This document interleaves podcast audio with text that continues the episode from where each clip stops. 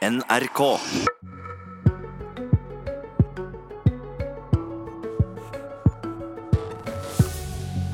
Senterpartiet har døra vidåpen for et regjeringssamarbeid med Arbeiderpartiet, men ikke for SV. Og for MDG er døra stengt. Både SV og MDG reagerer. God morgen og vel møtt til Politisk kvarter. I regjeringa så krangla de så busta fyk om brunskvetting. Men hvis den tid skulle komme at de mista sitt flertall, hvem står da klare til å ta over? Senterpartileder Trygve Slagsvold Vedum sa dette til Dagsrevyen forrige uke. Vi sa jo helt tydelig i 2017 at vi ønska en Senterparti-Ap-basert regjering. Det var det vi gikk til valg på da. Hvorfor nevner du ikke SV? Ja, vi ønsker å ha en Senterparti-Arbeiderparti-basert regjering. Vi mener at det er der det er størst eh, muligheter. og Vi er tydelige på det og har ment det samme over tid, og vi mener at det er den beste løsningen. Torgeir Knag Fylkesnes, eh, nestleder i SV. Hva syns du om å bli utelatt på den måten her? Jeg syns det først og fremst er litt eh, snodig, uforståelig. altså, Hvis man skal klare å skaffe et eh, nytt flertall her, så er man jo faktisk avhengig av de partiene som kan gi flertall. Og da kommer man ikke utenom eh, å samarbeide til venstre. Eh, man kommer ikke utenom å samarbeide med, med, SV. Og eh, Arbeiderpartiet og Senterpartiet vil aldri kunne få flertall helt alene. Så hvis man ønsker å snu den samfunnsutviklinga vi har nå, uten å være avhengig av høyresida, eh, så, så kan man ikke stenge noen dører. Da må man ha dørene åpne, også mot venstresida. Og du mener rett og slett at Senterpartiet og SV det har ganske mye felles politikk?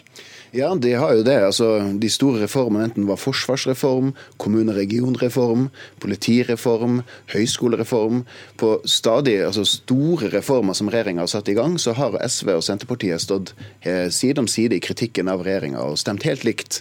Eh, og selv om vi hadde forskjellig utgangspunkt, så har vi konkludert veldig likt i, i viktige spørsmål i norsk politikk. Men du ser vel også at eh, Senterpartiet og Arbeiderpartiet står nærere hverandre enn Senterpartiet og SV gjør?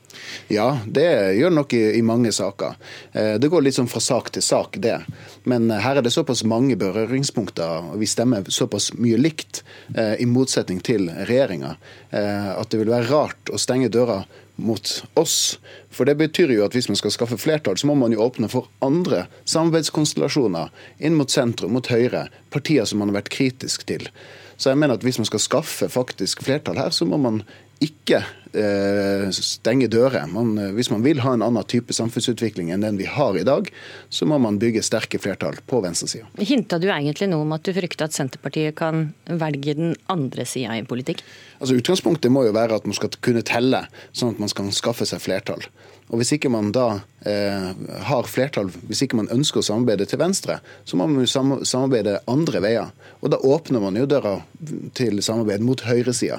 Og det er jo det Eh, vi syns det er litt eh, snodig, fordi at kritikken mot regjeringa har jo vært ganske hard eh, mot de reformene de har gjennomført. Det er økte forskjeller, det er økte utslipp, det er en massiv sentralisering som skjer. Og Da er det for oss ganske åpenbart at da må man danne et flertall på venstresida, der samfunnsutviklinga, ønsket om å bygge en annen type utvikling i Norge, er, er til stede. Mm. Marit Arnstad, parlamentarisk leder i Senterpartiet. Hvorfor er det så viktig for Sp å si at det kan samarbeide med Arbeiderpartiet, og ikke nevne SV? Men altså, Det vi gjorde på valgnatta, var jo å gjenta det som vi sa i, før valget i 2017, som for så vidt SV ikke reagerte så veldig hardt på den gangen, eh, at en Senterparti- og Arbeiderparti-basert regjering var det mest naturlige for oss. Eh, det hadde vi da på en måte dekning for å gjøre i forhold til vårt eget parti den gangen før 2017, og det gjentok vi nå.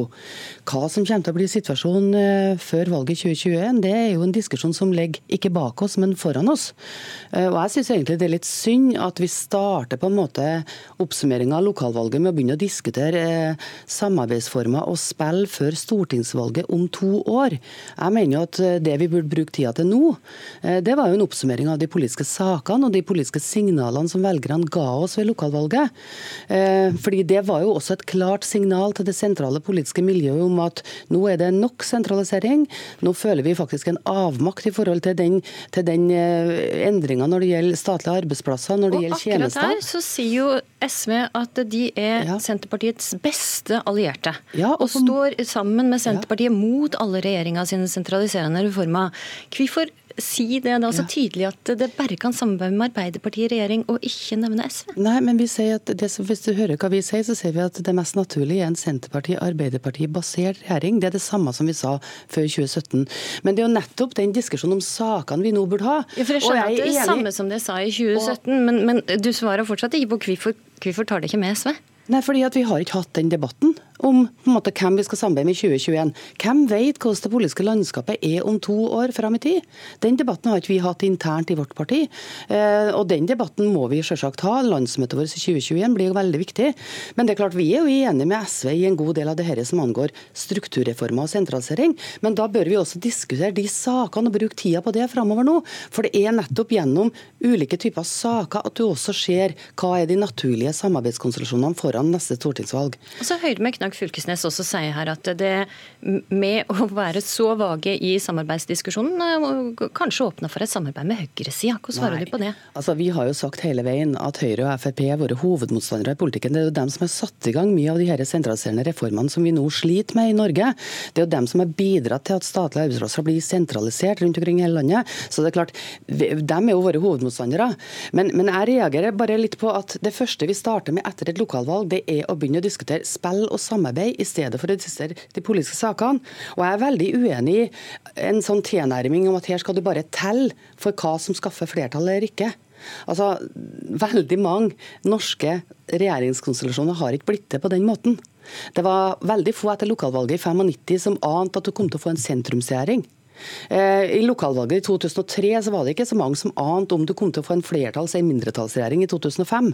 Eh, Sånne ting var helt åpent, og det er naturlig. fordi at de to årene som ligger foran, må du ha politiske prosesser internt i de ulike partiene.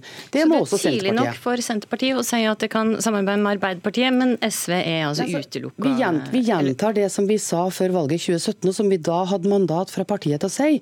Eh, Og Så må på en måte tida framover vise det. Men jeg mener jo at det er sørgelig at det her spill, spilldiskusjonene og samarbeidsdiskusjonene blir viktigere enn saksdiskusjonene. Dem er de viktige fremover. det er for tidlig for Senterpartiet å ta denne debatten, egentlig.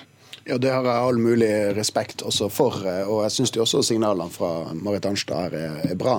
Um, og liksom, dette, dette handler jo, Når man da snakker om spillet, så handler det også om sakene. fordi at uh, Hvis man skal danne flertall, så er jo spørsmålet hvem skal man danne flertall med? Hva mener de partiene om de ulike typer sakene som har prega vår tid? Og Når vi har da en regjering som øker forskjellene, øker utslippene og sørger for massiv sentralisering, så mener jeg i hvert fall for SV så er dette et veldig enkelt valg. Vi må prøve å samle sterkt nok flertall for de som ønsker en annen samfunnsutvikling. Arnstad, er ikke det et poeng? Hvis en skal klare å kaste Solberg-regjeringa, så trenger en et sterkt samla allianse på andre sida. Ja, det kan være én mulighet, eh, men det er også flere andre muligheter. Og Noe av fordelen med det norske politiske systemet er jo nettopp fleksibiliteten som ligger i det, som gjør at du har mulighet til å komme opp med ulike typer regjeringsalternativ, som f.eks. skjedde da sentrumsalternativet eh, kom opp i 97. Er en mindretallsregjering med Arbeiderpartiet og Senterpartiet, er det egentlig Det er også en styrke ved det norske politiske systemet at du har veksla mellom flertalls- og mindretallsregjeringer. Eh, Hele 90-tallet så styrte jo Gro eh, på mindretallsregjering, og det gjorde også Kjell Magne Bondevik fra 2001 til 2005. Eh, Det var også levedyktige regjeringer, jeg vil si vel så levedyktige som den vi ser akkurat nå, som har flertall, som ser ut som den driver slags indre selvskading.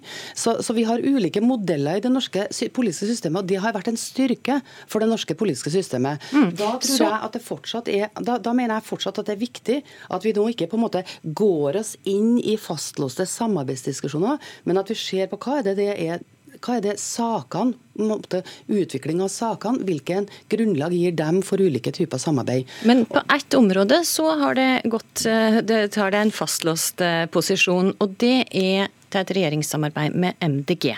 Det vil Senterpartiet ikke ha. Hvorfor er det uaktuelt? Ja, Det er fordi at vi ser nettopp at eh, den politiske ulikheten i sak er så stor mellom oss og MDG. Vi mener jo at den type klimapolitikk som MDG ønsker, den kommer til å føre til store sosiale og geografiske forskjeller i Norge. Eh, det vil vi synes er svært vanskelig. I tillegg så mener vi også at de tar til orde for en klimapolitikk som i altfor stor grad bygger på skyld og skam. Eh, klima, klimakrisa er viktig, og klimapolitikken er viktig, men skal du ha en klimapolitikk som får legitimitet hos folk flest utover, og som virkelig omstiller det norske samfunnet, så må det være en klimapolitikk som både har eh, forståelse, som ikke skaper nye skiller, store skiller i det norske samfunnet, og som også drar med seg det viktigste av den teknologiske utviklinga, ikke minst i industrien framover. Ok, Vi får høre med MDG. Ingen av de to nasjonale talspersonene hadde høvd å stille i Politisk kvarter i dag, men MDG sendte sin landbrukspolitiske talsperson eh, Harald Moxvill med oss fra studio i Tønsberg. Hvordan reagerer du på at, på at Senterpartiet stenger døra for et regjeringssamarbeid med MDG? Ja, jeg syns jo det er eh, rart, fordi at eh, jeg tror Senterpartiet, som her snakker om sak, eh, trenger den miljøpolitikken som MDG står for. Og vi ønsker å vi tror også at innbyggerne vil handle miljøvennlig.